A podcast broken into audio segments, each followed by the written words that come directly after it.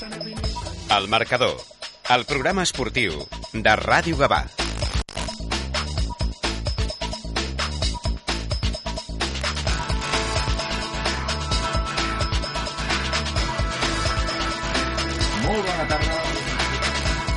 A una nova edició del Marcador, el programa esportiu de Ràdio Gavà, eh, des del qual, eh, com cada, cap de, eh, cada dilluns, us acostem la informació que ens ha portat el cap de setmana esportivament eh, parlant. Com sempre, a través del 91.2 de la FM, Ràdio Gavà, el marcador, eh, explicant-vos, doncs, això, mm, tot l'esport eh, gabanenc. Avui eh, comencem Uh, doncs, com sempre, parlant de futbol, parlant de la segona catalana i dels nostres dos equips de la ciutat, l'Sporting Gavà i el Club de Futbol Gavà, que aquest cap de setmana doncs, han tingut uh, sorts uh, dispars, però que uh, en el cas de Gavà un resultat molt bo de cara a les aspiracions de mantenir la categoria. Aquest Gavà 2 Vista Alegre 1, eh, un resultat que, que bé, mm, es va produir ja en el temps eh, de descompte i que donava els 3 punts i donava un respir eh, important a l'equip blaugrana. Per contra, l'Sporting Gavà visitava el eh, sempre difícil camp del Sant Ildefons i, eh, doncs, res, un partit que va acabar amb derrota per la mínima eh, de l'Sporting Gavà, que, bueno, doncs, eh, continua participant d'aquesta fase d'ascens eh, i, eh, com sempre diem, partit a partit, intentant doncs, aconseguir el màxim de punts possibles i veure si finalment doncs, aquest somni de, de l'ascens doncs, es pot produir o no. Però pel que veig a la cara de Lorenzo és una cosa que tampoc preocupa massa. Ya, ya, ya lo sabes que eh, eh, mi, mi teoría de siempre es la misma. Estamos ahí, estamos, estamos con los grandes, los históricos también, y bueno, pues si suena la flauta, pues bien, y si no, pues a seguir trabajando. Uh -huh. uh, doncs bona tarda, Lorenzo. Bona tarda. Eh, que no ens havíem saludat. No. I eh, deixeu-me també que saludi el eh, nostre convidat eh, de- d'aquesta setmana, d'aquest dilluns, aquí a l'estudi de Ràdio Gavà, eh, l'Alberto Arnalot, eh, a qui donem la benvinguda, que havíem parlat amb ell, però encara no havíem tingut l'oportunitat de tenir-lo aquí a l'estudi. Bona tarda. Bona tarda. Eh, bé, suposo que satisfets, contents per aquests tres punts, un, un respir que, que suposo que, que es deixarà notar al vestidor. Sí, la veritat que era un, era un partit important, a part de, a part de ser un derbi. No, no sabem... No, no, no se sentia, Vale, però bueno, que- ara, ara sí, a vegades les connexions fallen era, un, era un partit important, repeteixo, perquè, bueno, a part de ser un derbi, era just abans de, de l'aturada de Setmana Santa i marxar, no és el mateix marxar amb una victòria i estar tota la setmana pues, amb la sensació de- d'haver fet bé les coses, de d'una miqueta d'aire a l'angoixa de, ostres, eh, hem tornat a perdre, eh, ara no puc solucionar-ho a la setmana següent perquè no es juga, et comencen a vindre les pors de... Ara estem... Perquè, mira, just va guanyar el Sant Ignasi, Mhm. ara estem, mm, a, estem aquí, estem a punt de caure, estem tal... I, i és molt complicat i, bueno, la veritat que va ser una victòria molt important i, i treballada. Uh -huh. Clar, perquè a més, eh, en, el, en el cas de, de la fase de permanència, sí que és veritat que a la fase d'ascens doncs, hi han 10 jornades, són 30 punts en joc, però en, en el vostre cas són 6 jornades, vull dir, Sí. és, és una cosa molt curta. De fet, mm, el, el proper partit ja serà l'equador de- d'aquesta mm -hmm. fase i, i tot passa molt ràpid i sense gaire temps de reacció. Sí, sí, no, és, és el, que, el que parlàvem l'altre dia al vestuari, que són, són sis partits mm, en el que el que es despisti baixa, i és així. Eh, és la realitat d'aquest invent que ha fet la federació i mm, és el que hi ha, no, no es pot fer res, no hi ha marge no hi ha marge d'error eh, tots volem, volem estar perquè, perquè els, bueno, si et fixes els, els equips que n'hi han no en el nostre subgrup sinó en els altres són equips que, bueno, que molta gent no no diria mai que est- estan lluitant per baixar a tercera catalana perquè no ens hem d'oblidar que el Gavà està lluitant per no baixar a tercera catalana Uh -huh. i bueno, és, és això, s'ha de treure com sigui, i ara està venint gent nova, està, estan portant reforços d'on sigui, i això s'ha de treure per lo civil o per lo criminal. Uh -huh. Bueno, Esperem ja. que sigui per lo civil, perquè el criminal Com- a vegades té Com, conseqüències. com sigui, com sigui, ho hem de treure com sigui, com sigui. Està clar, està clar. Um, comentaves uh, que, que ahir, a diferència d'altres partits, us van sortir bé les coses. Eh, canviant també una dinàmica de, o les dinàmiques de, dels darrers partits, no? I que potser l'únic que us queda és el tema de, de la pilota aturada. Sí, sí, sí. Bueno, eh, crec que és un dels primers partits en el que no som nosaltres qui encaixa abans del minut 10, sinó el primer de l'any mm, dels primers. I el de, bueno, d'encaixar... Nosaltres tenim el hàndicap que sabem que a cada partit per guanyar hem de marcar dos gols, Mhm. perquè una pilota aturada ens el faran. Mm, vam estar molt bé els primers 25 minuts, tots a les marques, tothom on tocava, tot, bueno, serios, concentrats, i a la, a la que ens vam despistar que van haver dos, dos persones que van anar jugant curt, va sortir el del pal, el de la curta no sabien posar-se, també va sortir, em vaig quedar jo sol al primer pal, la pilota bota al primer pal, dos rebotes i gol. Mhm. El que passa sempre. Eh, en un moment que et despistes, fan gol. I, bueno, després vam tindre la sort que a pilota aturada també vam marcar nosaltres en el 92 i alguna cosa. I ja també, to també toca. Sí, home, la sort, no? De vegades eh, també ha de caure pel vostre costat, perquè... Li ha passat dos cops als Sitges aquest any, doncs mira, ara el vist alegre. Mhm. Deixe, Deixeu-me que saludi també doncs, a a una presència, eh, perquè avui el tenim aquí de cos present, eh, que em fa molta il·lusió que estigui aquí, perquè normalment sempre parlem per telèfon i no és el mateix, no és el mateix, tot i que jo m'imagino les cares que va fent, perquè mm, és una persona que és molt expressiva en quant a, a cares i aquestes coses, eh, tenir-lo aquí eh, davant meu doncs és, és una altra història. Isaac Fandos, bona tarda. Què tal? Bona tarda. per què rius? No sé, em feia gràcia l'explicació. Bueno, a mi, mi m'agrada eh, presentar la gent i, i, i explicar una miqueta doncs, el que passa aquí dins de l'estudi. Eh? Se'm fa estrany, eh, ara estar parlant aquí. Ah, que sí? Sí, sí, sí. Se sent millor... Sí, sí, no, i és estrany, o sigui, mira que vaig estar anys venint cada dilluns i ara que porto un any i mig o dos anys quasi sense venir, hosti, se'm fa, se'm fa raro venir aquí. Mm -hmm. Molts anys eh, van passar aquí, Ui, i tant, me'n recordo. i tant. Molts. Amb, amb, bueno, i amb, i amb, i amb l'Alejandro i tal, clar, és que allò era una fantasia. Sí, bueno, te'n recordes el Gavà segona B? Jo venia aquí a parlar del Gavà segona B, estava bé. Sí, sí, Bueno, el Bueno. món del futbol. Sí, dona moltes voltes. Eh, dona moltes voltes. El, el Josep Antoni m'està fent gestos així. Pots, pots, no pot intervenir. És que avui està fent de... està als controls tècnics i aleshores, si no, lo normal és que entrés i digués alguna cosa, eh? Correcte, la veu del súper, com a la veu sempre. del súper. Però mira, ara, ara bé, em sembla que bé. Va. Espera, a veure, a veure què vol dir-nos. què, què ens vols dir? Ah, vale. Ah, vale. Ha anat a buscar uns auriculars, perquè com està a control, eh, si ho posa al pels altaveu s'acopla i deixarem sorda la meitat de la nostra eh, audiència. Avui ho està retransmetent tot, no?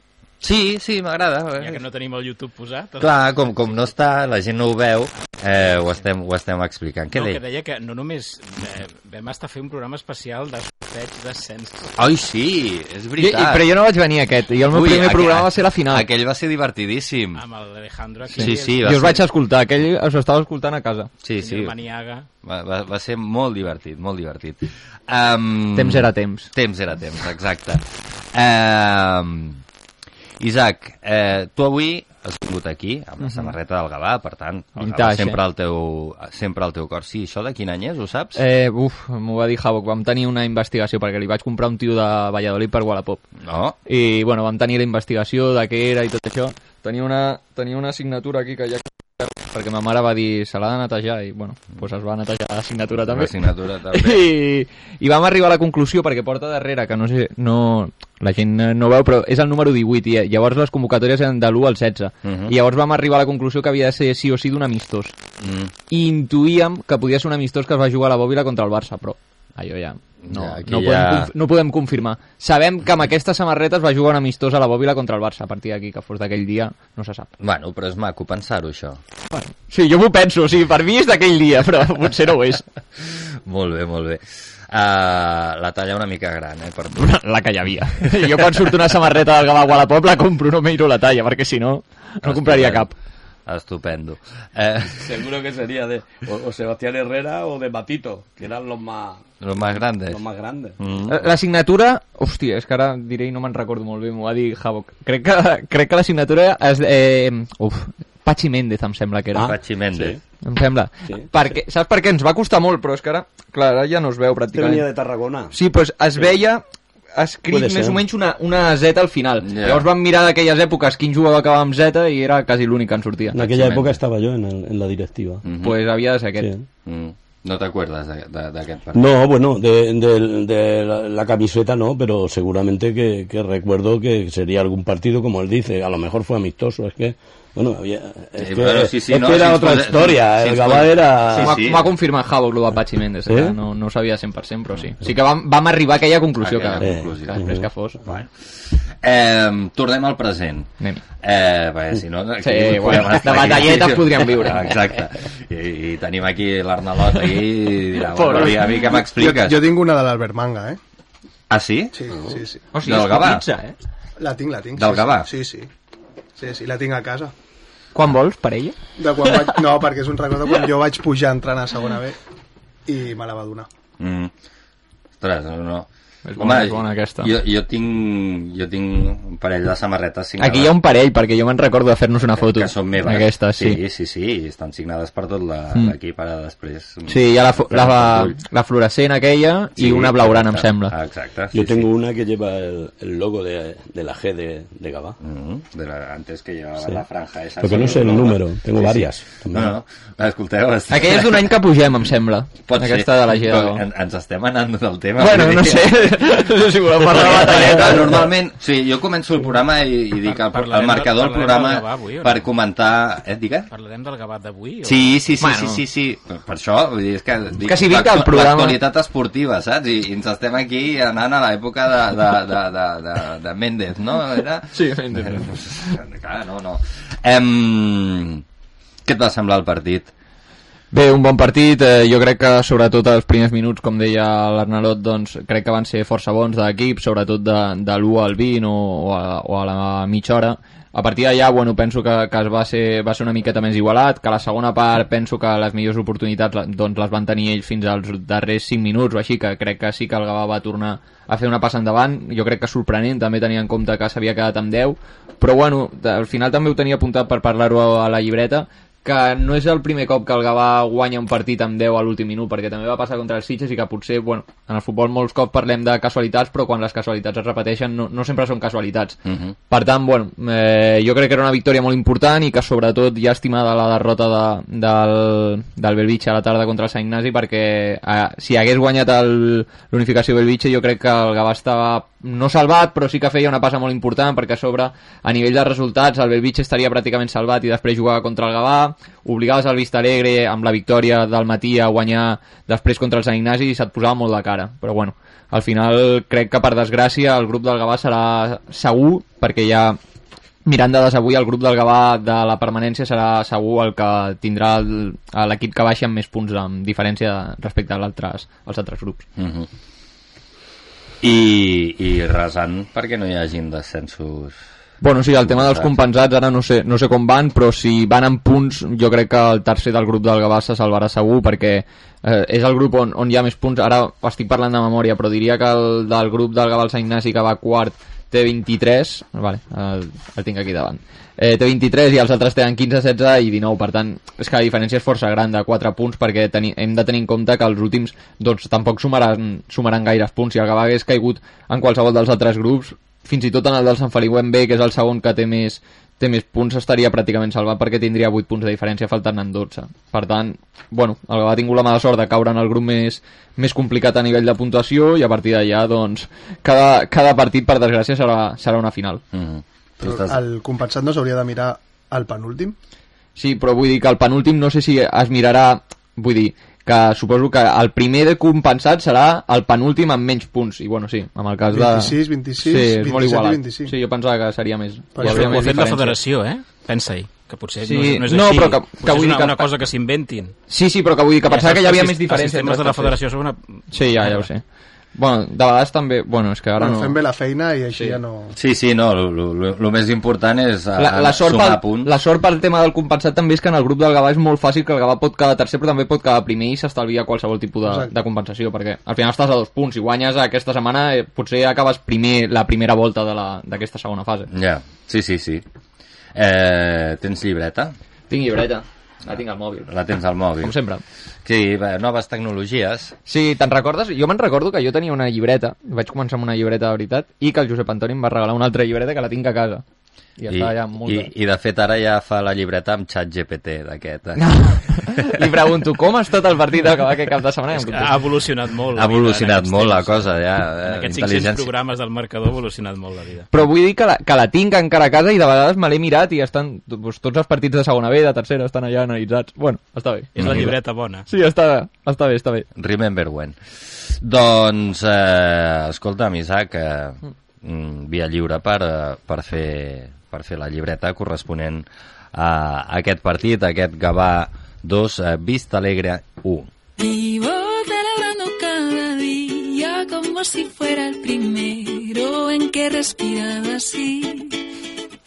Doncs comencem la llibreta, com sempre, amb l'apartat tàctic del partit, amb un 4-4-2, que podia ser també un 4-2-3-1, al final amb una línia de 4 al darrere, amb dos pivots i quatre jugadors molt ofensius que tenien mobilitat màxima, Kiereme va partir des de l'extrem i al final acabava moltes jugades trencant per dins, Cala que jugava dins acabava moltes jugades per compensar fora, per tant, quatre defenses, dos pivots i per davant mobilitat màxima entre tots els jugadors per eh, intentar desestabilitzar una defensa del Vista Alegre que jo crec que va patir molt, sobretot a la primera meitat.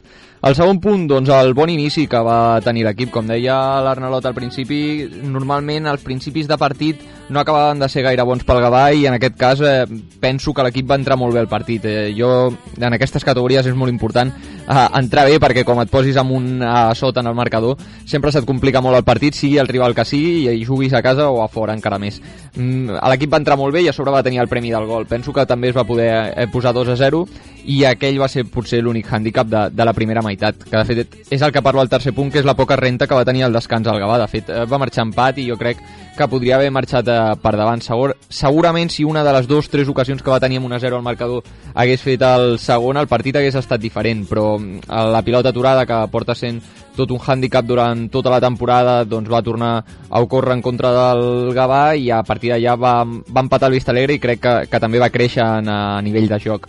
El quart punt, doncs una segona part doncs potser més fluixa. Al final quan el Gavà s'hi jugava eh, molt eh, guanyant perquè empatar jo crec que no era del tot un bon resultat. Sí que és veritat que veient la segona part doncs jo l'hagués hagués signat l'empat, mm, crec que l'equip eh, li va costar molt generar joc i que va tenir la sort o l'encert defensiu en les últimes accions, de, sobretot en aquella triple oportunitat de que, no, de que no hi hagués un gol que hagués costat el partit.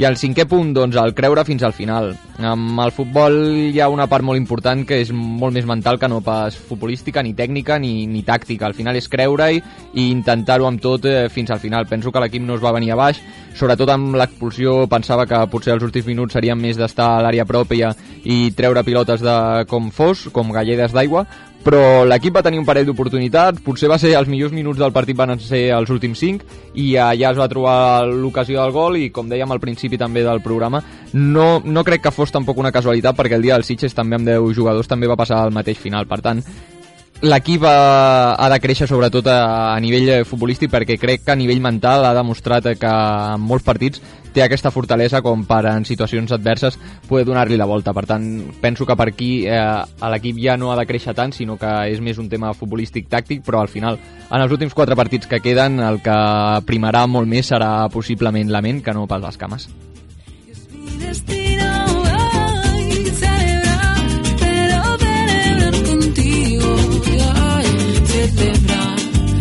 Es. Doncs eh, aquesta ha estat la, la llibreta de l'Isaac eh, amb música de... És celebrar, de la Judith Niederman. Molt bé. Ja que, heu de, ja que hi ha coses per celebrar... Sí, sí, sí, no, no. Uh, bé, Sí, sí, no, no, aquí tot està sempre buscat, buscat. Em, clar, comentaves coses de, del tema de, de, de creure-hi fins al final. Mm, bueno, de fet, hi ha molts equips que hi creuen fins al final. Ahir, sense anar més lluny, el, el, el Narcís Sala es va veure, no? Hòstia, que, bona. que l'Europa hi va creure fins al final i, i, bueno, també el Sant Andreu va fer de les seves i, i es va quedar amb nou, però... però... L'àrbitre va fer de les seves, també. També, sí, sí, sí. Bueno, Ho dic sent imparcial, eh, totalment, o sigui, no, m'és igual Sí, que sí. guanyés eh, el partit. No, no, no, a mi també, vull dir, me la... A mi em dóna igual. M'agrada l'espectacle i, i de fet que, que passés el que va passar va ser un bon espectacle, però clar. Sí, bueno, en, en certs moments va ser una mica lamentable. Sí, però des de fora sempre fa gràcia aquest tipus de- d'esdeveniments que, perquè- que no són bons, evidentment. Clar, eh, no sé, tirar una pilota per allà i tirar-la cap on va, saps? És com, Sí, bueno. Eh, Bueno, han sortit molts vídeos, eh, ara, també, amb Sí, això. sí, sí, sí. Ignasi Sanabra celebrant-ho cap a la grada, Fasani donant a tothom... Bueno, Bueno, sí. En fi, però, però el tema mental, mm, com diem, és, és, és molt important. Em, suposo que aquesta temporada no haurà estat fàcil mantenir aquesta, aquesta creença amb l'equip, amb aquesta, aquesta mm, diguéssim, eh, no sé, psicologia de, o, o, o aquest ànim de, de tirar la cosa endavant, no? Mm, No, no, no. La veritat que no... No, no és, no és una, situació, una situació fàcil ni còmoda pel jugador ni per, ni per al cos tècnic quan no hi ha una estabilitat.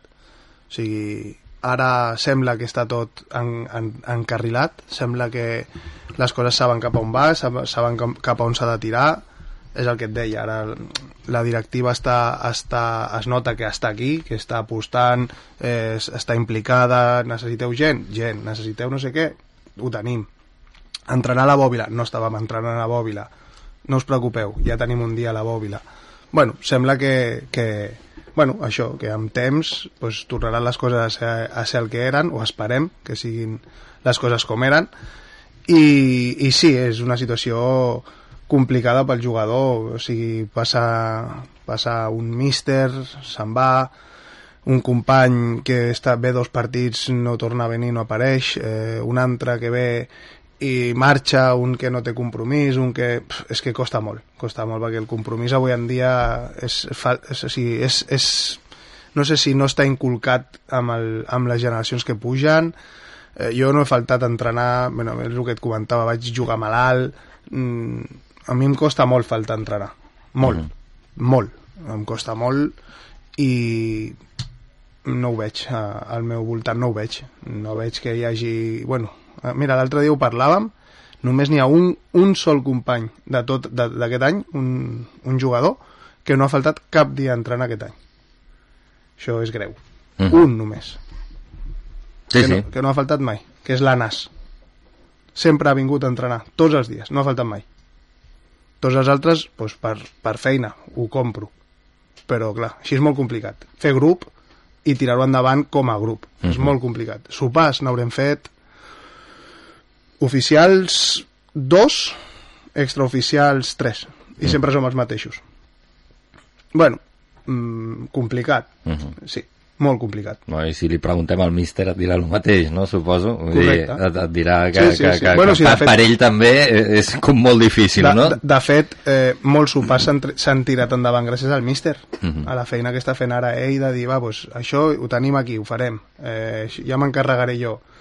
I, I és el que et dic, o sigui, una altra figura o un altre míster igual no hagués aguantat el que està aguantant Jorge. O sigui, Però bueno, eh, també, també és normal, això ens agrada.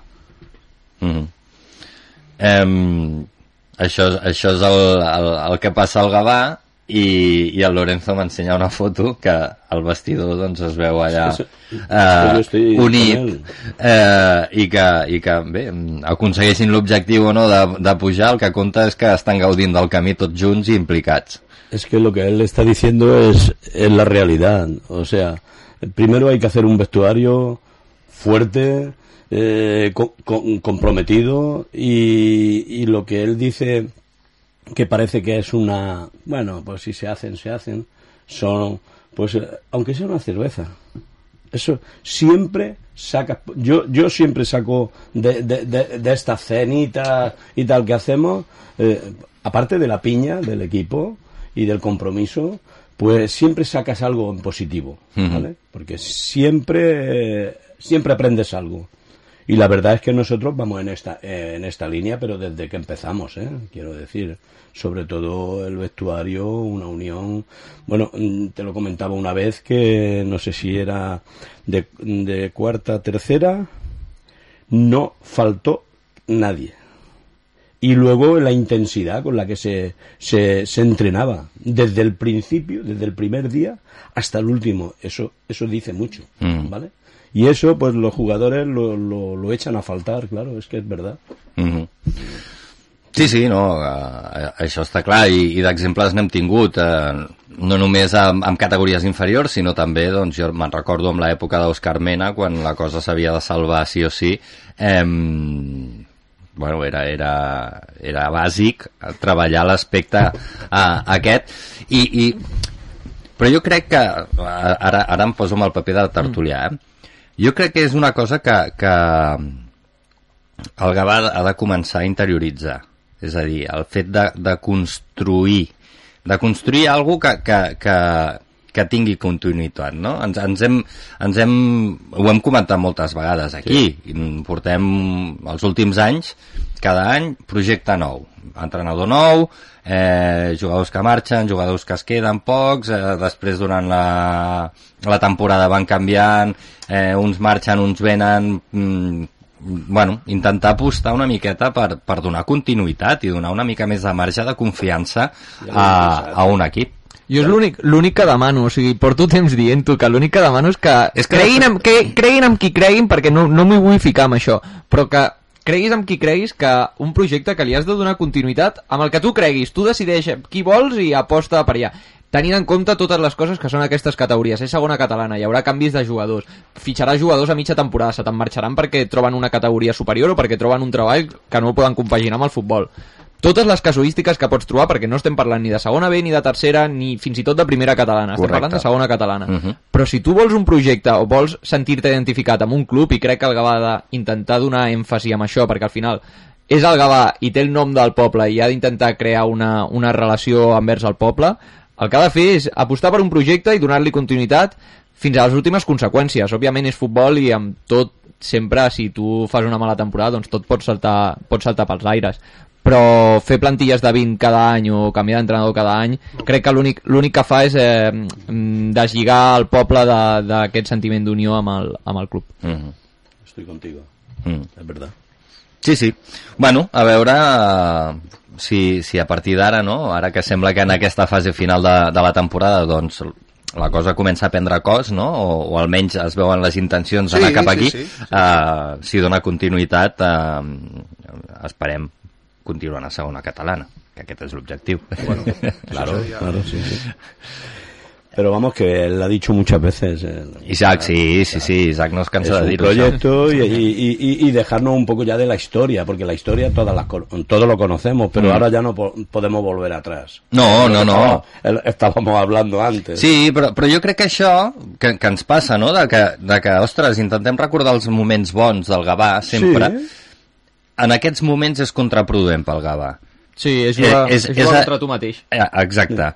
correcte. Exacte, és, és- contraproduent. Ens hem de centrar en el present, en com està el Gavà ara, i intentar buscar solucions. I un, proye- i un projecte. I un projecte a, a, a, sí, a mig llarg plaç i, i a partir d'aquí construir. Perquè si no estem sempre parlant, no, és que el Gavà la seva categoria era tercera, però mira, estem a segona. No. Mm, és que no té sentit. No. però jo, perdó que m'ho porti a lo personal eh, pel, pel tema del Gavà, però extrapolant-ho jo crec que és molt important el que dèiem del projecte sobretot amb el fet de- d'intentar fer grup perquè al final això també et donarà rèdits a nivell futbolístic. Jo, eh, començant amb el que deia perdó per portar-m'ho a lo personal jo també porto un equip i jo entreno quarta catalana i tinc jugadors que us ho dic de veritat, que són de categoria superior i ells ho saben, que poden jugar a tercera catalana perfectament però jo sé que ells molts cops, eh, i l'any que ve, perquè ja estem parlant de l'any que ve i coses d'aquestes, es queden amb mi perquè el grup que tenen d'amics eh, fins i tot dins i fora del camp és molt important i al final es queden no per al projecte futbolístic perquè podrien marxar i tenen ofertes d'altres equips de tercera catalana per pujar a segona catalana fins i tot i no marxen perquè són amics entre ells i perquè tenen una, un bon grup i una bona unió. I jo sé que cada any, doncs sí, evidentment d'aquest grup doncs, eh, se'n poden marxar dos, tres. Però si has de fitxar dos o tres és molt fàcil. Els integres fàcil amb el grup, tens una bona pinya i al final els integres molt fàcil. Però si has de canviar 20 pff, és que és un marrón pel club i per l'entrenador, perquè al final si has de fer un grup nou cada any, cada any, cada any, desgasta molt. Mm. En canvi, fent-ho d'aquella manera, crec que és molt més senzill i que al final, a llarg plaç, és que tard o d'hora et, donarà, et donarà fruits. Mm -hmm. Sí, sí. Sí, pero, pero- pero en estos jugadores influyen mucho tú. ¿Correcto? Sí, sí. Porque sí, si no, també. eh, eh, habría, habría jugadores que, aunque sean amigos y tal, eh, si le viene otro club Sí, y, y- y ellos no están contentos, no están a gusto, que eso es muy importante. Y tú has sabido hacer un- una piña ahí, un grupo, eh, que irán contigo a muerte, subas o no subas. Sí, sí, per sort, aquesta sort la tinc jo, Eh, particularment, claro, o sigui que... Sí, jo en, la la- tinc. en las fotos que se hace ya lo veo, ya Claro, lo noto. sí, sí. eh, Sí, esa sí. cara de satisfacción que tiene, sí, y es verdad. Y eso- Home, perquè jo en el meu cas, jo ho he de dir, jo, el meu equip, o sigui, és com, ho dic de veritat, és com una família, o sigui, és que a sobre som superjoves i jo sóc un entrenador que al final, la quarta, no m'he trobat, crec, encara cap entrenador que jugui contra mi que sigui més jove que jo, i a sobre tots els que jo entreno és que estem jugant a una categoria que sabem el que hi ha, perquè hi ha molta gent molt veterana, i nosaltres som tots eh, nascuts al 2003 o al 2002. I per tant és que som un equip super jove i que bueno, estem allà a dalt molestant els de dalt i ja està, però que al final és important això, perquè tu quan fas molta pinya, jo crec que en aquestes categories és que realment la part mental i la part de, de fer grup i de fer, de fer unió és que no sé si és tan important com el futbol, però quasi, quasi. Sí, Mhm. sí, yo creo que sí. Sí, ho és, ho és. Jo fa dos anys, bueno, dos, una miqueta més, que trobo a faltar un, un, un bon vestidor. De fet, renovar aquest any, jo vaig parlar i vaig dir, jo m'és igual al futbol. Necessito un vestuari sa. Un vestuari on, on vindre a oblidar-me dels meus problemes, divertir-me i, i a part, Disfrutar del a part futbol. el, clar, és que el meu rendiment és totalment diferent si estàs a gust a un lloc. Clar. I ara, i ara ho començo a notar. Ara raïm, o sigui, raïm es diu, no? Riem. Rie, això, riem, ara riem, ara bueno, eh, estem, estem a gust i, i s'entrena d'una altra manera. Mm. Perquè anar entrant a, a disgust obligat, ojo, eh? És el pitjor. Sí, sí. No. Ojo, eh? Bueno, jo no m'hi he trobat mai, però m'ho puc, ima m'ho És- m'ho és puc lo- imaginar. És el pitjor, perquè al final tu estàs... En aquestes categories mm, s'ha de dir que tots els futbolistes i tots els entrenadors treballen d'una altra cosa o estudien d'una altra cosa. Per tant, si tu vas allà i no vas a passar-t'ho bé, doncs tampoc té Exacte. gaire sentit que segueixis eh, jugant a futbol, perquè si no és el teu hobby, doncs deixa-ho. No té Exacte. Si és, si és, és que el, el que ha sigut el Gavà ja ha sigut. O sigui, ja ningú és professional ara a Gavà, avui. L'escut no et fa professional. Mm. Tu fas tu. Vine a entrenar tots els dies, vine a... Doncs quan toca fer un sopar, vine a fer el sopar. Això et farà professional, no l'escut. Mm. Que hi ha molta gent que es pensa que per portar la samarreta Gavà ja has jugat a segona B. I no és així. És que tot això ja ha Veritat. passat. Sí, sí. O sigui, és, és, és que estem a segona catalana. O sigui, ja està, sí, que juguem a un estadi, que tenim que sí, però que se, hi ha que ser realista. El que ja ha passat, ha passat. I estem aquí per tirar endavant no descendre a tercera, a tercera catalana. Mhm. I hi ha que ser realista amb això. Sí, sí. En fi, bueno, avui, avui eh, hem fet una, una mica de, de, de psicologia, eh? eh hem, entre tots. Eh, De molt, reflex- de reflexió, reflexió. una reflexió. Sí. Que, que a més trobo molt interessant i, i encertada. Em, anem a fer la porra, no? Mm, perquè bueno, la setmana que ve em, visiteu el camp de l'Unificació en Bellvitge vosaltres a l'Sporting eh, doncs eh, bé, rebeu els Sitges Oh, al Sitges no se li dona bé, va. Aquesta Mm. temporada ja... mm. ja, bueno, Bueno, doncs, nosotros vamos a estar luchando hasta el final. doncs anem a la porra Hay 24 puntos y... Carnisseria Soler, des de 1965, patrocina la porra del Club de Futbol Gavà i l'Sporting Gavà. Aquesta setmana a la porra del Gavà i de l'Sporting doncs eh, tenim eh, dos, eh, dos encertants dels resultats. Eh, el Fran Massip va encertar el eh, Sant Ildefons 1 Sporting 0 i en Dark Knight, eh, que té el número 2, eh, va encertar el resultat del em, Gava 2 Vista Alegre 1. Eh, com dèiem, doncs eh, ja sabeu que sempre diem, per participar només heu de fer-ho a través de Twitter, apostant eh, pels eh, resultats, podeu participar a les porres dels dos equips i eh, entre, entre els encertants doncs, eh, participaran al sorteig que es farà el proper 24 d'abril eh, el corresponent a aquest mes, de moment tenim aquests dos números eh, i eh, doncs això, farem el sorteig i qui guanyi el sorteig s'endurà aquesta espatlla ibèrica valorada de 99 euros eh, gentilesa de carnisseries Soler eh, partits complicats Partits complicats. I deixa'm que digui una cosa només per tothom dels que estem aquí, que la setmana passada va sortir bé. El Gavà en la porra perd. Vull dir, perquè la setmana passada va ser el primer cop a la història que es va dir que perdia i va guanyar. vam fer antiporra Per això. Vam o sigui fer que hem, de, hem de dir aquí que perd i després eh, que passi el Va, que hagi va, de passar. vam fer antiporra, sí, és, és veritat, és Que per, veritat. per primer cop va sortir bé, o sigui que... Va sortir, bueno. Bueno, vam trencar, poca broma, eh? hem trencat l'estadística del Vistarer, no havia guanyat mai el Gavà Eloi, eh? Però mai. Mm -hmm. Compte, eh? I jo crec que això és a l'antigafi que No, vam i, fer. I em sembla que portem ara tres partits eh, com a locals guanyant, pot ser? No, puntuant. Puntuant. Puntuant. Però bueno, que vam Bueno, trencar bueno. estadístiques gràcies a l'antigafe. Bueno, bueno, pues... Ahora Uh, juega tres fuera. Eso es un hándicap. Bueno. Un poquito en contra. bueno. Sí, porque eh, por poco público que haya en la bóvila, hay público y, y- y hay ambiente, porque ayer había, había buen ambiente. Pero claro, jugar ahora tres seguidos fuera. Mm. Però tinc la sensació, l'Arnauto ens ho podrà dir, però que aquesta temporada, i sobretot és que és una cosa que jo penso molt amb el Gavà, que li ha tret molt poc eh, rèdit al, al camp. Jo crec que, sí. perquè no entreneu, eh, però Exacte. que al final un fet tan diferencial, sobretot a segona catalana, li, heu- li heu pogut treure molt poc del, que, És, del que Cortona. és, és el que comentava abans, crec que no estava amb, amb antena, eh, el, el no entrenar a gespa natural, igual de, de tot l'equip, som dos els que hem tocat la gespa natural. Mm, clar, primers 15 minuts estan els 22 jugadors igual, el partit s'iguala. Si tu estàs, doncs això, amb ritme, entrenes dos cops per setmana, un quan jugues a casa, bueno, tens la gespa més tocada, els primers 20 minuts, doncs igual, doncs, po- poses la diferència. Tens la marxeta més de que el control ja saps com anirà, ja saps com, com has de donar un passe, mm, robes 3-4 pilotes d'aquestes que fan un, un pas entre línies que les robes perquè no, no estan acostumats a la gespa i això aquest any no ho estem tenint perquè no hem pogut entrenar És que jo crec que és molt diferencial. De fet, ho parlava amb un amic meu que juga al Sant Ignasi quan acabava i em deia, hòstia, és que és molt diferent jugar aquí que, que Sí, jugar. sí, sí. Diu, és que la primera que m'han donat és que no, no, o sigui, no la podia controlar perquè em donava un vot i se m'anava cap a dalt. Sí, és que sí, és molt sí. diferent. Ju- Juguem amb conills en vez de pilotes. Sí, clar. sí. Eh. Doncs va, vinga, va, anem a posar eh, resultats. Um, comencem amb el, amb el nostre convidat. Uh, Arnalot, quin, quin resultat li poses a aquest uh, Unificació Bellvitge Gavà? Jo és que sóc molt amb el que ha dit. O sigui, 3-0. 3-0. vale. Eh, Isaac, va. Jo és que som molt supersticiós per aquestes coses. Sí. Eh, 2-0. 2-0. La gent que ens escolti, que no hagi vist que estem fent antiporra nosaltres, eh? Lorenzo. Sí, yo lo tengo claro, Mm. pero yo no voy a... Yo, yo sé que el Gabá allí va a ganar 1-2. Ja ens Una- ho ha trencat, una, ja ens ho ha trencat. Va, jo continuo amb l'antiporra, vaig a posar un 1, un 1 a 0, vale? I, I pel que fa al eh, partit del... eh, Mira't, que compenso jo. 8 a 0. 8 a 0.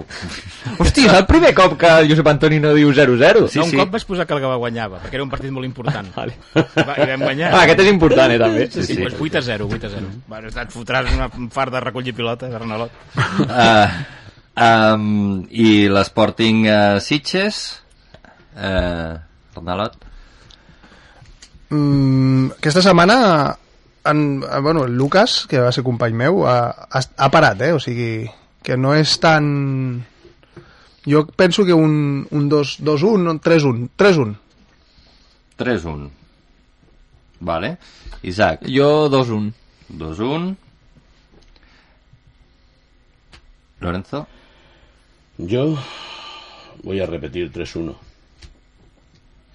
Un altre 3 a 1 i jo posaré un 2-0 Vale. Josep, està. Carnisseria Soler, des de 1965, ha patrocinat la porra del Club de Futbol Gavà i l'Sporting Gavà. Ens trobaràs al carrer de Sant Joan número 3 de Gavà. Josep Antoni ha posat la sintonia directament, però aposta pel 0-0. Eh, doncs res, ja està. Ja hem arribat al final de, de la tertúlia d'avui. Que curta, eh, se m'ha passat. Sí, pues, pues, em sembla que és de les més llargues que hem fet. Sí, perquè jo a les 8... Sí, sí, sí, perquè jo ho tinc controlat i a les 8 i poc ja estic marxant quan estic al camp. Ah, o sigui que no... per això, per això. És llarga, és llarga. Però bueno, l'hem allargat per tenim, tu. tenim un campió d'Espanya de pàdel esperant, eh? O Sí, sigui que, a també és veure, Futbol, veritat. el futbol està sobrevalorat, sempre ho he dit. Molt millor el pàdel. Sí, sí, sí, sí, evidentment. Pàdel és l'esport de moda. A mi és que només m'agrada el futbol. Ja, ja, ja, ja, ja, ja. En fi... És que eh, quedo malament, m'agraden tots els esports. Clar, s'ha de dir això. Uh, Però vist del personatge. doncs, Arnalot, moltes gràcies per No, acompanyar-nos. Que tingueu molta sort. Uh, a veure si aquest uh, camí que heu començat de d'anar fent, eh, d'anar fent pinya, d'anar veient que les coses comencen a sortir, doncs té continuïtat eh, i no només aquesta temporada, sinó també de cara a la temporada vinent. Segur que sí. Esperem. Uh, Isaac, gràcies per venir. Ens la trobem aviat. esperem que sí, esperem que sí, i si pot ser aquí a l'estudi millor. Ho intentaré. Y Lorenzo, gracias también. Yo ¿Eh? aquí estaré siempre. No, ja ho sé, ja ho sé, ja, tu... Perdamos o ganemos. Eh, Tu no falles mai.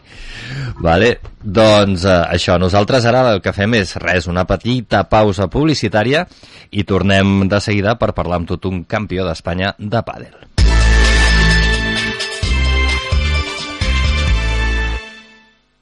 Hola, Viladecans! Obrim un nou supermercat Bon Preu al teu costat. Ens trobaràs a l'Avinguda Francesc Macià número 1, cantonada Avinguda de la Generalitat 26. Les teves marques de confiança, la màxima qualitat i la millor selecció en producte fresc de proximitat i sempre amb els millors preus, ara el nou Bon Preu de Viladecans. Un nou supermercat Bon Preu més a prop teu.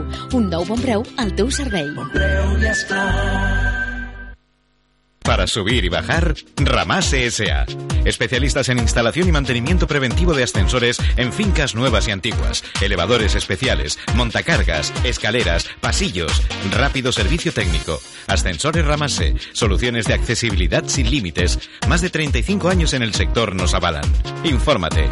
ascensoresramase.com. Recuerda, para subir y bajar, Ramase S.A. Blat Italian Restaurant, un restaurant italià amb massa mare. Vine a provar els nostres plats, pizza, pasta, antipasto i molt més.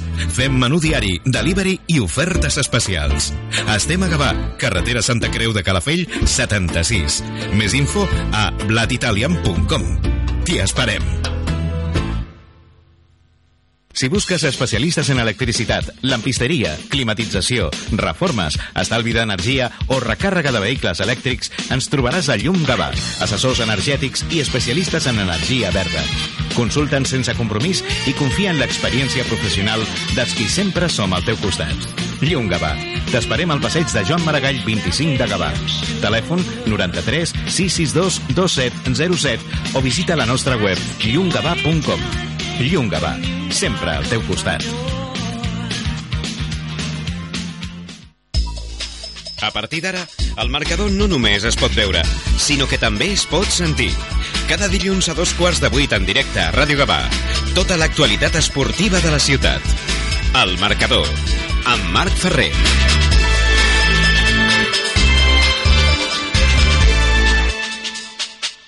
Doncs ja tornem a ser aquí després d'aquesta breu pausa publicitària i, i res, ara, com dèiem, eh, el que farem serà parlar amb tot un campió d'Espanya de pàdel eh, per equips. Es tracta del gabanenc, del ba- gabanenc Gerard Arnaldos, que va aconseguir aquest títol amb el seu club, el Reial Club de Tenis Barcelona 1899, eh, imposant-se eh, a l'equip eh, favorit que era el del Reial Club de, de. Gerard, eh, enhorabona per, per aquest campionat. Hola, muchas gracias, muchas gracias. Ah, bueno, eh, un poco explícanos, porque, porque claro, sin ser los favoritos, eh, conseguir este campeonato supongo que, que debe haber sido una inyección de moral impresionante, ¿no? Pues sí, sí, la verdad es que sí, aparte fue, fue muy emocionante, porque no íbamos de favoritos, el favorito era otro club de ahí de Barcelona, el Real Club de Polo, y, y el sorteo pues deparó que nos enfrentáramos en, semifina- en semifinales, y, y por suerte pues dimos la sorpresa y, y nos metimos en la final. Eh, ¿Y qué tal fue la final? Bien, la final fue contra otro club de allí de Cataluña, que fue el Cercle Sabadellés, y, y la eliminatoria, porque el, el Campeonato de España por equipo son, la eliminatoria son cinco partidos, Ujú. somos 10 jugadores por equipo y se juegan cinco partidos, y el que gana tres partidos pues gana la eliminatoria. Y justo íbamos 2-2 y faltaba un partido por jugarse que justamente era el mío, el de la pareja 1, y, y conseguimos ganarlo. Uh -huh. per, eh, per tant, eh, va, va ser el, el protagonista no? eh, d'aquest campionat. Sí, sí, en parte, en parte sí, pero bueno, al ser un, al ser el campeonato de España por equipos, los protagonistas fuimos todos y, y tuvimos la suerte de, de quedar campeones y, y encima que el club nunca había ganado este campeonato. Era el, el título que le faltaba a nuestro capitán, Enric San Martín, que es el, el mejor jugador de la historia del pádel catalán, que lleva 16 años como número uno y aún sigue. Y, y también emocionante por eso, porque justamente jugué yo con, de pareja con él y, y sabiendo que era el único título que le faltaba, pues había muchas ganas de ganar. Ujú. Claro, cuando llegas a, una final que está empatada 2-2, eh, la, presión, la responsabilidad, ¿cómo te la quitas encima? Pues sí, sí, en parte pues lo piensas y, y quieres jugarla y a la vez no, porque si ganas es muy bonito y si pierdes pues tienes la responsabilidad tú. Pero bueno, estábamos muy, muy confiados y, y por una parte quería que fuera así y poder dar poder dar la victoria al equipo. Pero bueno, viendo al equipo fuera de la pista animando, sabía que, que se podía conseguir. Em, claro, eh, he, he leído he leído por allí que, que hay una anécdota que es que mm, el equipo ya teníais eh, cuando visteis contra quién jugabais en semifinales teníais los billetes de vuelta del AVE. Sí, sí, así, así era. Porque yo éramos, pues, éramos 10, pues 6 teníamos los billetes de vuelta. Cada uno por sus motivos. Yo porque tenía que volver a Madrid para entrenar. Y, y la mayoría pues teníamos eso, los billetes de vuelta para, para volvernos y, y estar el domingo, el domingo libres en casa ya. Ujú. Pero, pero mira, la comida lo hablamos y, y dijimos, ¿por qué no? Y, y ya está, y así salió, salió bien. ¿Pudisteis cambiar los billetes tranquilamente o os pusieron Sí, algún- sí, sí, Se, se pudieron cambiar y, y más por ese motivo no pasaba nada. Pero estábamos todos muy felices. Em, para, para llegar hasta ahí, para llegar a proclamarte campeón de España, em, has tenido también de tomar decisiones eh, que, que a veces son difíciles, ¿no? Eh, has tenido que cambiar de, de ciudad. Ahora estás viviendo Pues en sí, Madrid. justamente este último año, a principios de este año, he tenido que venirme a Madrid a entrenar, porque aquí están pues, los mejores jugadores del mundo, están la mayoría viven aquí en Madrid y están todos entrenando en diferentes academias que hay aquí. Y me costó mucho tomar la decisión porque llevaba ya 10 años con el mismo entrenador, con Colo y con el preparador físico Mariano y, y me costaba mucho tomar la decisión, pero pero bueno, había, era un paso que había que dar para seguir siendo creciendo en el mundo del pádel y ser más profesional y, y de momento pues muy bien, muy contento con los resultados que estoy teniendo este principio de año y, y con más ganas que nunca para seguir. Ujú. Eh, ¿Cómo te llega a ti la afición por el pádel? Pues mira, yo jugaba fútbol toda la vida en el Gabá y con 16 años así ya empecé a desmotivarme en el fútbol y mi padre que jugaba pádel siempre con los amigos allí en un club de Gabá, que en aquel entonces era el Acura Gabamar, pues yo siempre iba a verlo jugar cuando podía y al final cuando acababa sus partidos pues cogía la pala y me metía yo a pelotear un poco y me empezó a gustar y empecé a hacer clases allí de pádel y vi que se me daba bien y pues empecé ya a entrenar más en serio y acabé dejando el fútbol ese mismo año y entrando a pádel. Tu hermano, por cierto, sí que sí que ha jugado a fútbol, ¿no? Sí, sí, mi hermano Paul, el mediano, era, era el bueno de los tres. Somos tres hermanos y era, era el bueno del fútbol. Es que tenemos aquí a, Lo- a Lorenzo Gaitán, no sé si Sí, sabe a Lorenzo. que te quiere saludar. Buenas tardes, Gerard. Lorenzo, ¿qué tal? Enhorabuena, tío. Eh, eh, yo estoy súper contento de que este es un trabajo que está haciendo desde hace tiempo y es, es, es el momento de recoger los frutos ahora. Y bueno, y no, no será el primero, ¿eh? Eh, Ojalá que no. No, estamos no, ello, yo- además ya- ya sabes que que yo- vengan más. ya sabes que yo he tenido muchas conversaciones contigo y, y muchas veces digo, si tu hermano se, se pareciera a ti en algo... eh, Es verdad. ¿eh? Eso me ha dicho muchas veces. Sí, co- correcto. Y la verdad es que cuando me lo ha comentado Mark, y digo, pues mira, me quedo y... Porque hemos estado aquí un poquito de tertulia hablando del Sporting, que tú ya lo Sí, sabes. estaba, estaba escuchando. Sí, y bueno, pues el, eh, desearte lo mejor, aunque esté fuera de casa, pero eh, eso es el, el, el precio que hay que pagar a veces por la por, por, por obtener lo que ahora ha obtenido. O sea, este campeonato de España que, Sí. que no va a ser el primero. Será el primero, pero no va a ser el último. Ojalá. Sí. Em, qué sorpresa, ¿eh? Esto, esto parece ya el programa aquel de la Gemio, sorpresa, sorpresa. Em, clar, eh, has, has, has hagut has tenido que ir a Madrid, em, y, supongo que antes de ir a Madrid también has tenido que dedicarle horas y horas y horas para, para, para llegar a este nivel, ¿no? Sí, sí, sí, claro. Eh, allí estaba entrenando, pues eso, cada día entrenaba, lo compaginaba con la cafetería, que estaba allí en Arnaldo Coffee pues trabajando y me salía de allí para ir a entrenar y luego y luego volver. Pero claro, también son muchas horas de entreno y ahora aquí en Madrid pues eso, estamos entrenando pues 6, 7 horas diarias, entre entrenos, físico, partidos, Ujú. fisio. Por tanto, ya estás Pero- en un nivel que, que profesional.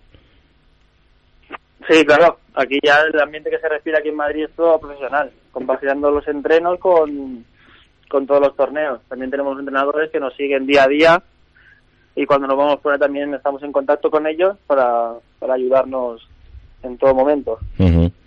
¿Y, y cuáles son tus siguientes pasos o tus siguientes objetivos? Pues ahora mismo pues seguir creciendo día a día, eh, tanto a nivel personal como profesional y, y seguir escalando puestos en el ranking, ya sea en el ranking catalán o en, y en el ranking internacional. No hay, ¿En un, no hay un objetivo en concreto, pero sí seguir pues subiendo poco a poco puestos. Pero de, de hecho, eh, hace poco también has ido a Dubai o, o es, o es la... Sí, sí, sí, hace, hace una semana exactamente fuimos a Dubái a jugar un torneo Mm. y bueno, no fue del todo bien como esperábamos, pero pero sí, muy bien. También de las derrotas se aprenden y, y un torneo muy bonito. Al ser una ciudad tan chula, una nueva experiencia. Em, em, comentabas antes que tu, tu objetivo es ir subiendo en el ranking, tanto en el catalán como, como en el internacional. ¿En qué, ¿En qué puesto estás ahora mismo? Pues ahora mismo pues se tiene que actualizar el ranking, pero en Cataluña creo que estoy número 6 Ujú. y en el ranking inter- internacional que he empezado este año justamente a competir porque años anteriores no podía salir, no podía viajar porque estaba allí trabajando, pues ahora debo estar creo que en el internacional 200 y poco. Mm, Bueno, pero eso, eso se escala rápido, ¿no? En cuanto empieces a jugar Sí, torneos sí, internacionales. Ahora en breve este mes de abril ya tenemos tres más, así que intentar hacer lo mejor posible y, y seguir subiendo puestos. ¿Y continuarás vinculado a- al Real Club de Tenis o...? o, es- Sí, si, si me renuevan, que espero que sí, eh, sí, ahí estaré. Ujú. Supongo Pero sí, seguro que sí. Ya me dijo Enrique sí, que un año más. que un año más. Bueno, pues nada, ahora lo que toca es eh, revalidar el título, ¿no? De cara al año que viene y... Ahora, sí, ahora ya hasta el año que viene, intentar reva- revalidar el título y ganar el del Campeonato de Cataluña, que Ujú. fue el, el Real Club de Polo el que nos ganó la final. Ujú. Pues a la, la revancha tocará, la revancha.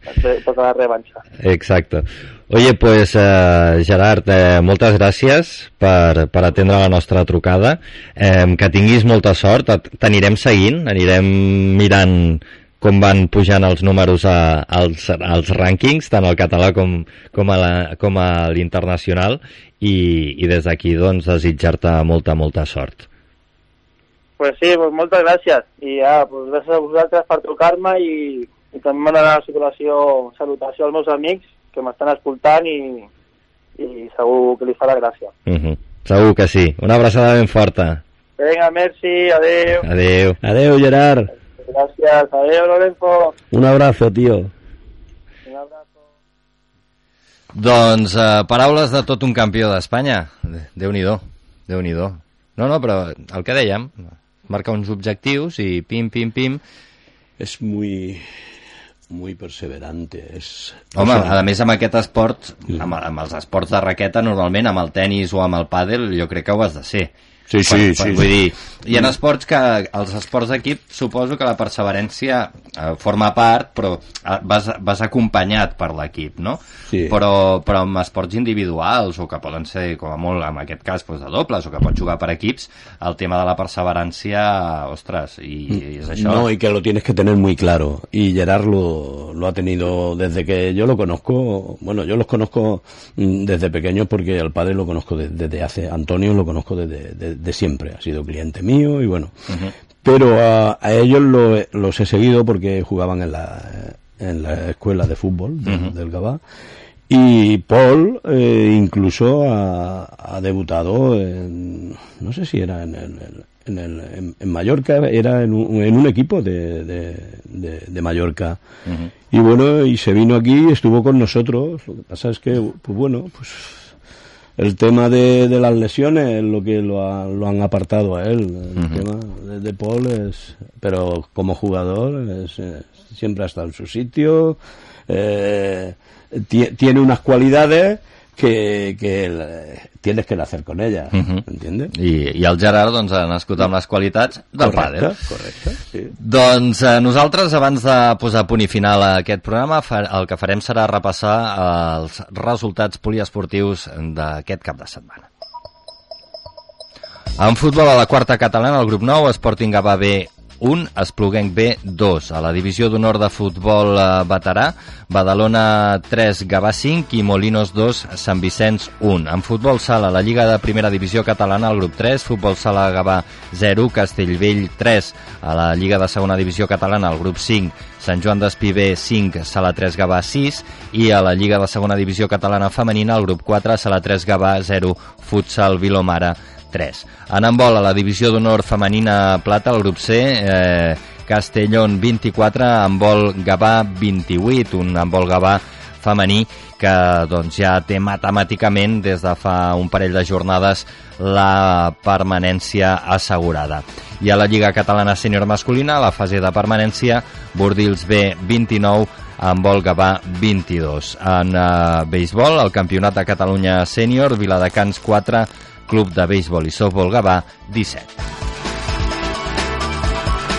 Doncs ara sí, arribem al final del programa d'avui. Moltes gràcies per la vostra atenció. Gràcies també al Josep Antoni Moreno, que avui ha estat a la producció i als controls tècnics. I, com deia, a tots vosaltres que ens heu escoltat eh, durant, durant aquesta estona. Nosaltres, dilluns vinent, dilluns de, Pas de Pasqua, fem festa, però d'aquí 15 dies tornem, si tot va bé, com sempre. Fins aleshores, que vagi molt bé. Adéu-siau.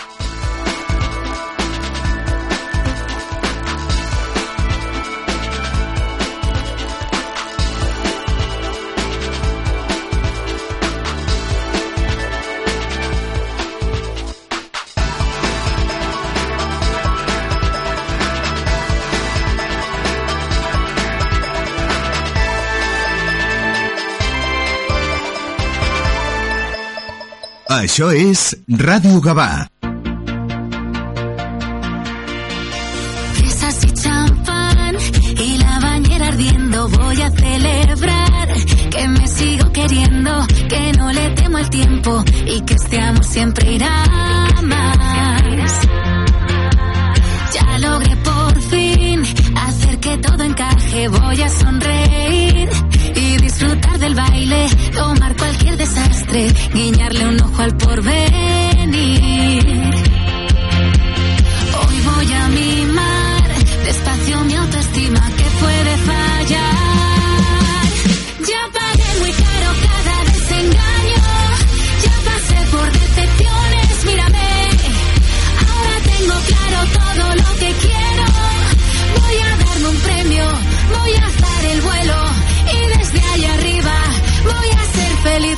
Yo me lo debo. No voy a llorar, jamás voy a recordar todo lo que he logrado con la mirada al frente y ver lo bueno que vendrá. Hoy voy a mimar despacio mi autoestima que puede fallar.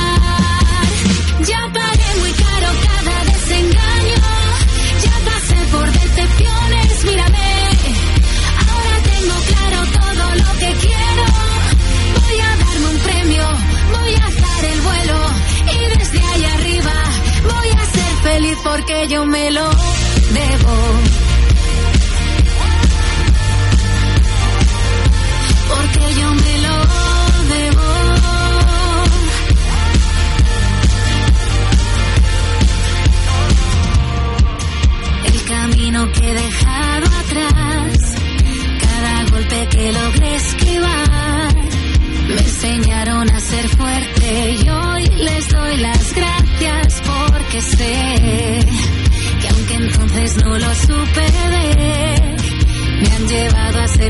quiero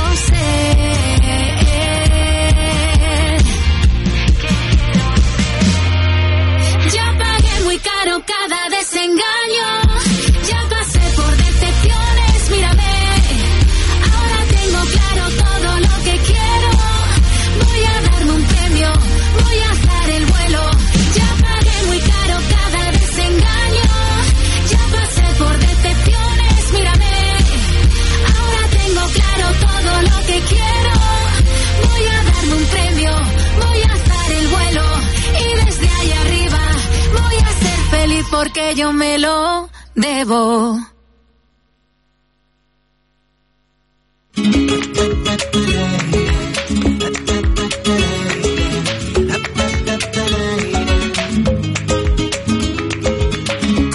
Conozco un sitio en el sur, tan solo un rato de aquí, es donde nace la luz y el mar se queda a vivir. Conozco un sitio en el sur, la tierra donde nací, donde el que vino volvió, donde perderse y reír. Sus limoneros en flor cada vez que llega abril, y quien probó su sabor supo que iba a repetir. Es un trozo de cielo, ella va abriendo sus alas, tiene un acento sincero, huele a caldero y brisa de playa. Ella es lo antiguo y lo nuevo, ella es la tierra soñada, huele a tomillo romero, tiene dos mares y una mirada.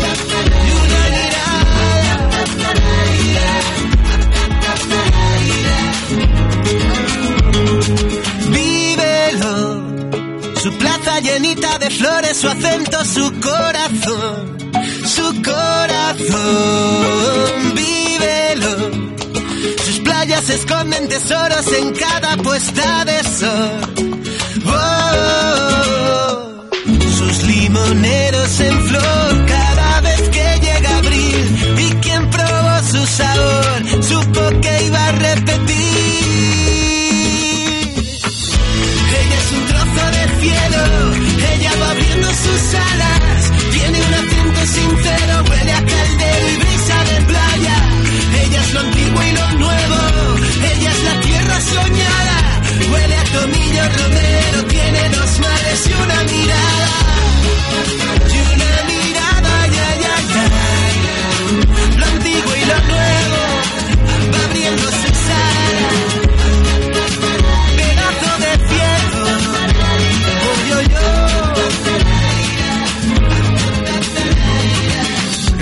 donde nace el sol, donde perderse y reír. Y quien probó su sabor, supo que iba a repetir.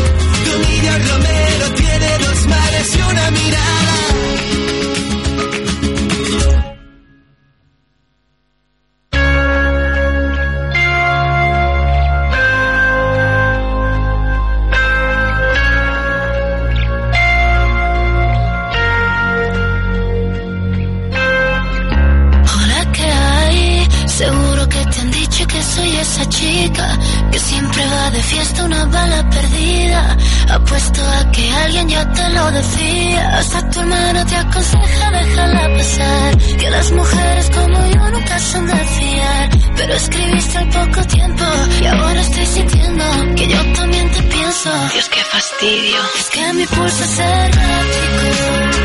Cuando te encuentro en la calle es como una vida copa. Somos como un clásico.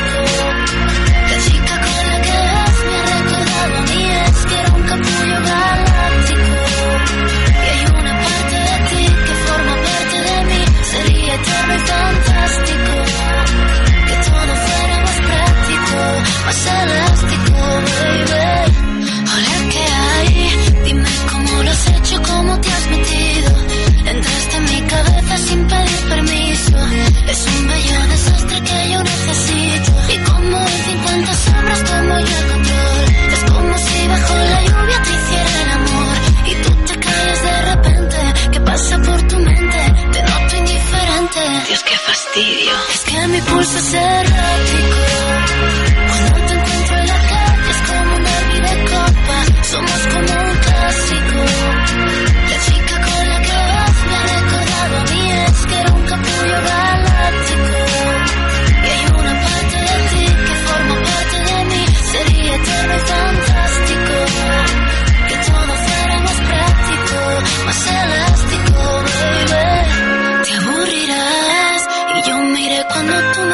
lo esperes. Tú te quitarás la máscara y sabré quién eres. Y lo que antes te encantaba ya no te apetece. Y yo me olvidaré de ti y tú me olvidarás. Como si todo lo vivido no pasó jamás. Me pensarás de vez en cuando y tú estarás con otra y yo con otro lado. Dios, qué fastidio. Y es que mi pulso es errático.